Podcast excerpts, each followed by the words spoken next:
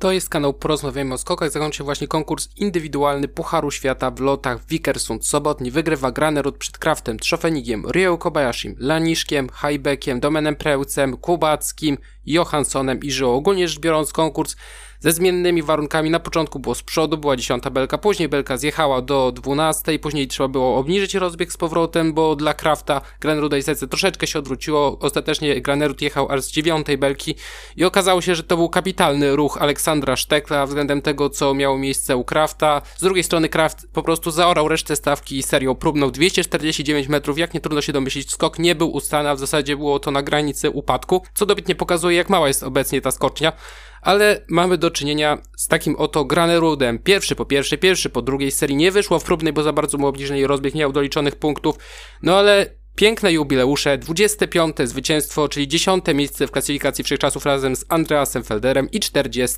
podium w karierze. Jeśli chodzi o Puchar Świata, to już nie ma sensu tego omawiać, bo to potrzebny byłby meteoryt i coś jeszcze, żeby Kubacki miał jakąkolwiek szansę tutaj coś zrobić. Z przodu, a z tyłu jest Kraft, który przy tej dyspozycji, przy Lachti, przy dwóch konkursach czy trzech konkursach jeszcze lotów, może Kubackiego jeszcze złapać. W każdym razie Grand mnie pozytywnie zaskoczył ten ruch z obniżeniem belki naprawdę kapitalny, jeśli chodzi o Sztekla, no bo Grenrud mógł zrobić pełny telemark, nie musiał kraść telemarku tak jak zrobił to Kraft, więc naprawdę ten ruch trzeba pochwalić, bo Sztekl zrobił to świetnie. No i przy okazji wykonał plan świetnie też sam Grenrud drugiej serii już nota niższa od Krafta, niższa od Schofeniga, Schofenig miał co ciekawe najwyższą notę serii drugiej, no ale nie budzące mimo wszystko wątpliwości zwycięstwo. No i jeszcze przy okazji można powiedzieć, że w Pucharze Świata w lotach Grerud idzie zdecydowanie po pierwsze miejsce 300 punktów, Kraft zdecydowanie po miejsce drugie 220 punktów, no i dalej jest ścisk Zajc cały czas na miejscu trzecim 135 punktów i dalej jest już troszeczkę ścisku, ale ogólnie ta dwójka jest wyraźnie z przodu. Drugie miejsce Kraft, drugi po serii pierwszej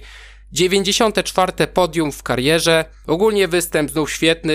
Oczywiście najbardziej rzucił się na oczy, czy raczej po prostu wszyscy zwrócili uwagę na serię próbną. 249 metrów jeszcze z dość krótkiego rozbiegu i to nie był skok podparty tak jak u chociażby Jelara na Kulm, tylko to był faktycznie upadek, coś takiego jak u Wasiliewa, kiedy skoczył 254 metry. To było coś bardzo podobnego. Przywalił po prostu plecami i głową o zeskok. Ta skocznia już po prostu się nie nadaje do skoku w okolicy 250 metra. Nie ma mowy. Tego skoku już się po prostu nie da ustać na taką odległość. A patrząc na powiedziałbym profil skoczni, to jak z boku z kamer to wygląda, to mam wrażenie, że teraz to jest skocznia, gdzie HS powinien być na 235 metrze, że na wielu skoczniach w okolicach HS jeszcze da się ten robić telemark, a tutaj nawet Kraft, który naprawdę te telemarki potrafi robić na dużych odległościach, to on tutaj też markuje przed rozmiarem skoczni już markuje te telemarki. Dzisiaj też markował ten telemark. W zasadzie to nie był nawet markowanie telemarku, tylko taki bardzo kradziony telemark na dwie nogi i rozsunął, nie wiem, po 10 metrach dopiero do telemarku. Dostał 17,5, 18, chyba mimo wszystko za wysoko, a z drugiej strony Granerud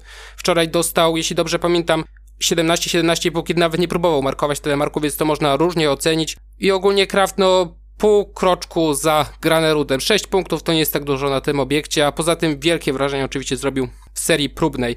Szóste miejsce, Trzofenik dziesiąte po serii pierwszej, życiówka. Trzecie podium w karierze 229,5 metra i to jest ciekawe, że on miał najwyższą notę łączną Aczkolwiek nie dziwi mnie to, że tak dobrze się spisał przy wietrze tylnym, bo dla całej czołowej dziesiątki zwłaszcza, ale ogólnie większość drugiej serii była z tyłu, ale tutaj było po prostu równo z tyłu. Wszyscy, wszystkie strzałki po prostu z tyłu, metr, półtora metra na sekundę, w zasadzie wszystkie w osi skoczni i nie dziwi mnie, że Trofenik akurat na tych warunkach spisał się najlepiej. Kompletne przeciwieństwo Domena Prełca, który jeżeli miałby na końcu, to myślę, żeby to wykorzystał, ale dla Domena było po prostu, to nie są jego warunki, jeśli chodzi o Domena, a Trofenik naprawdę tutaj mnie zaskoczył bardzo. Wątpię, żeby ta rekompensata miała być aż tak wysoka realnie, ale też te wektory się układały właśnie na wiatr z tyłu centralnie na całej długości i dla tak zwanych antylotników, niektórzy to tak określają, czyli wysokie wyjście z progu i nie liczenie po prostu na to, że na końcu będzie z przodu, tylko jednak wysokie trzymanie tego toru lotu jednak tutaj się opłaciło. Czwarte miejsce, Ryoyu siódme po serii pierwszej, występ bardzo porządny, a co ciekawe w drugiej serii wydaje mi się, że delikatnie przy wcześniej wyjście z progu i przy okazji przeskoczył żyłę w klasyfikacji generalnej Pucharu Świata. Piąte miejsce, Raniszek szóste po serii pierwszej, dwa solidne skoki, ale żaden taki naprawdę błyskotliwy, taki chociażby Domena Prełce z pierwszej serii. Szóste miejsce, Highback czwarte po serii pierwszej, no Highback skacze tutaj bardzo dobrze, wszystkie skoki na bardzo wysokim poziomie.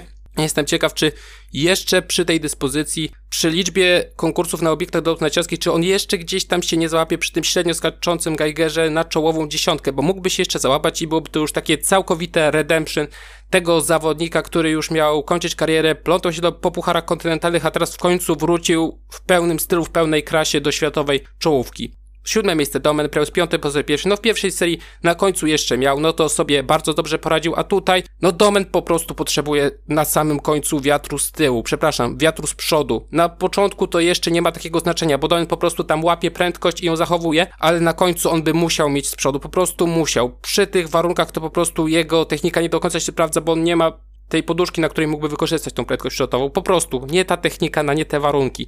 Ósme miejsce Kubacki, dwunasty po sobie pierwszej skoki. Bardzo przyzwoite, aczkolwiek Kubacki no to nie jest po prostu lotnik i po prostu sytuacja wygląda tak, a nie inaczej, że stracił idola Niszka, nie za dużo, trochę więcej w pozycji niż realnie w punktach, a do Krafta no już stracił bardzo, bardzo dużo.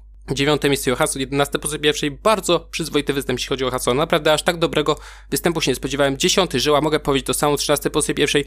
Zwłaszcza ten drugi skok wyglądał bardzo fajnie, był bardzo spokojny. W końcu taki naprawdę spokojny w powietrzu skok, chyba pierwszy od Rower. Aż tak fajny mu się trafił technicznie, więc naprawdę jestem pod wrażeniem. Reprezentacja Polski, 17 stok, 19 pozycja pierwszej. Wydaje mi się, że w drugiej serii i on i zniszczył, pospóźniali skoki, a Stoch jeszcze cały czas mam wrażenie, że okej, okay, warunki, ale on trochę za bardzo jest za nartami, troszeczkę za bardzo. 18 miejsce zniszczył, 17 pozycji pierwszej. Kolejny bardzo solidny występ i 34 stękała. Chyba warunki trochę poniżej średniej przy jego belce, ale chyba też nie powiem, że był to zły skok jak na jego możliwości aktualne, ale chyba naprawdę to jest też ten zawodnik, który potrzebuje po prostu mieć z przodu na końcu ze skoku. Dalej, Austria 14, Fetner 15 po sobie pierwszej.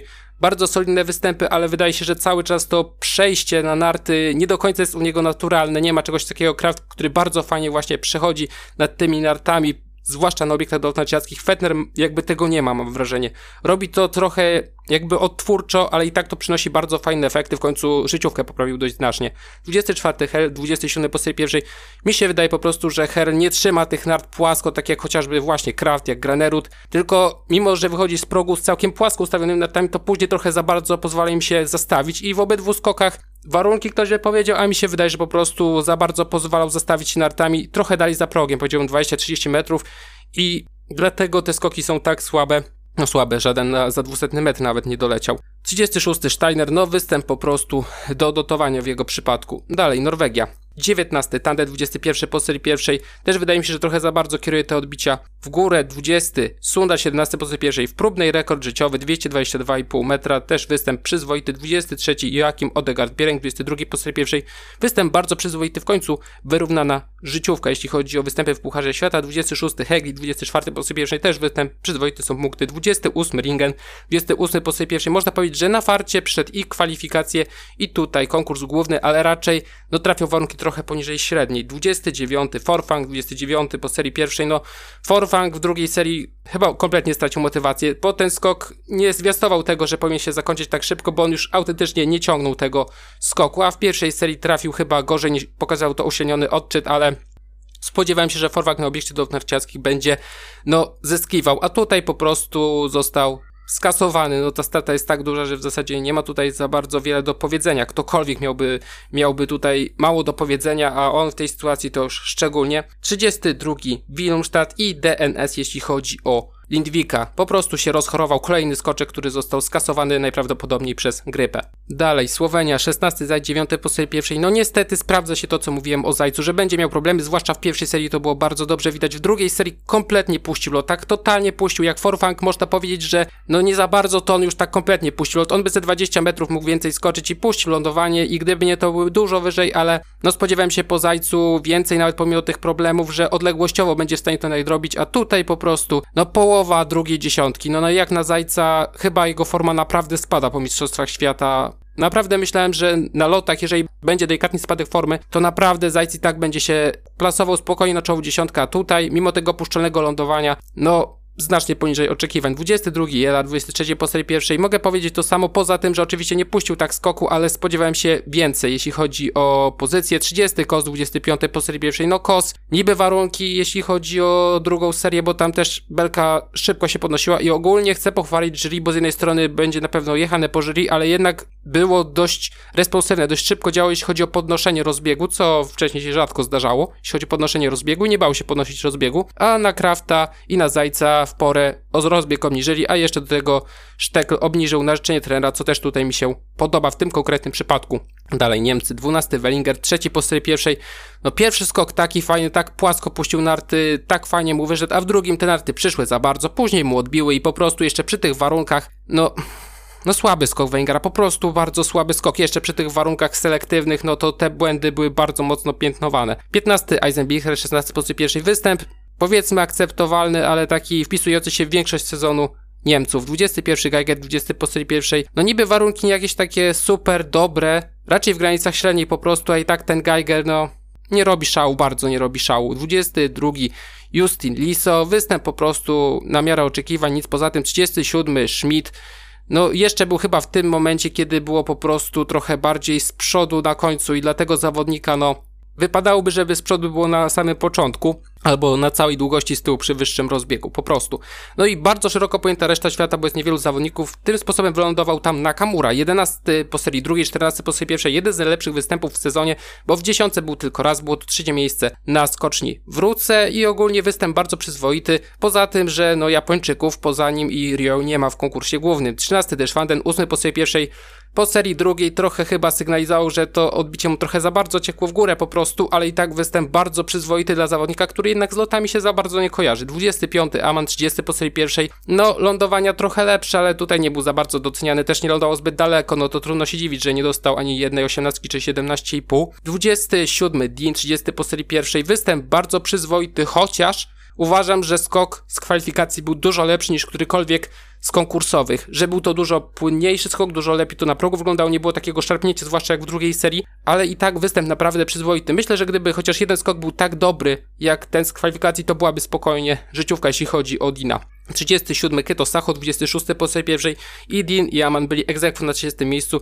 Na pechowca padło jeśli chodzi o Keto Sacho, no trafił ciężko jeśli chodzi o warunki i dopiero po nim podwyższono belkę. No niestety. 35 Imhoff, życiówka, 38 Etu Nusianen, 39 Bresadola, który chyba trafił nie najlepiej z warunkami, ale też wydaje mi się, że dość wyraźnie spóźnił skok, był strasznie nisko nad bólą, no i chyba niewiele dało się z tego zrobić po prostu. Jeśli chodzi o Puchar Świata, no to mówiłem, Grenderu 386 punktów, 400 punktów na 100, jeśli chodzi o Kubackiego, no tutaj już na, naprawdę niewiele musi się zdarzyć, raczej bardzo dużo musiałoby się zdarzyć, żeby coś tutaj mogło się w ogóle zmienić, jeśli chodzi o klasyfikację generalną Pucharu Świata, czyli zwycięzcę, a jeśli chodzi o drugie miejsce, no to do Kubackiego Kraft traci 142 punkty, Laniszek 178. Jeśli chodzi o Laniszka, to się nie spodziewam, żeby miał szansę złapać jeszcze Kubackiego, aczkolwiek Kraft, jeszcze jeden konkurs y, na obiekcie do lodów narciarskich, Wikersund, Lachti, które Kraftowi odpowiada i on się z tym nie kryje, że, że Lachti po prostu mu pasuje, czy raczej Salpauselka mu pasuje, a nie Lachti. I dwa konkursy w Planicy. I tutaj wychodzi to po prostu na styk, że Kraft w tej dyspozycji Kubacki, przy tej dyspozycji, przy tak licznych konkursach na obiekcie lotów narciarskich, Kraft może złapać Kubackiego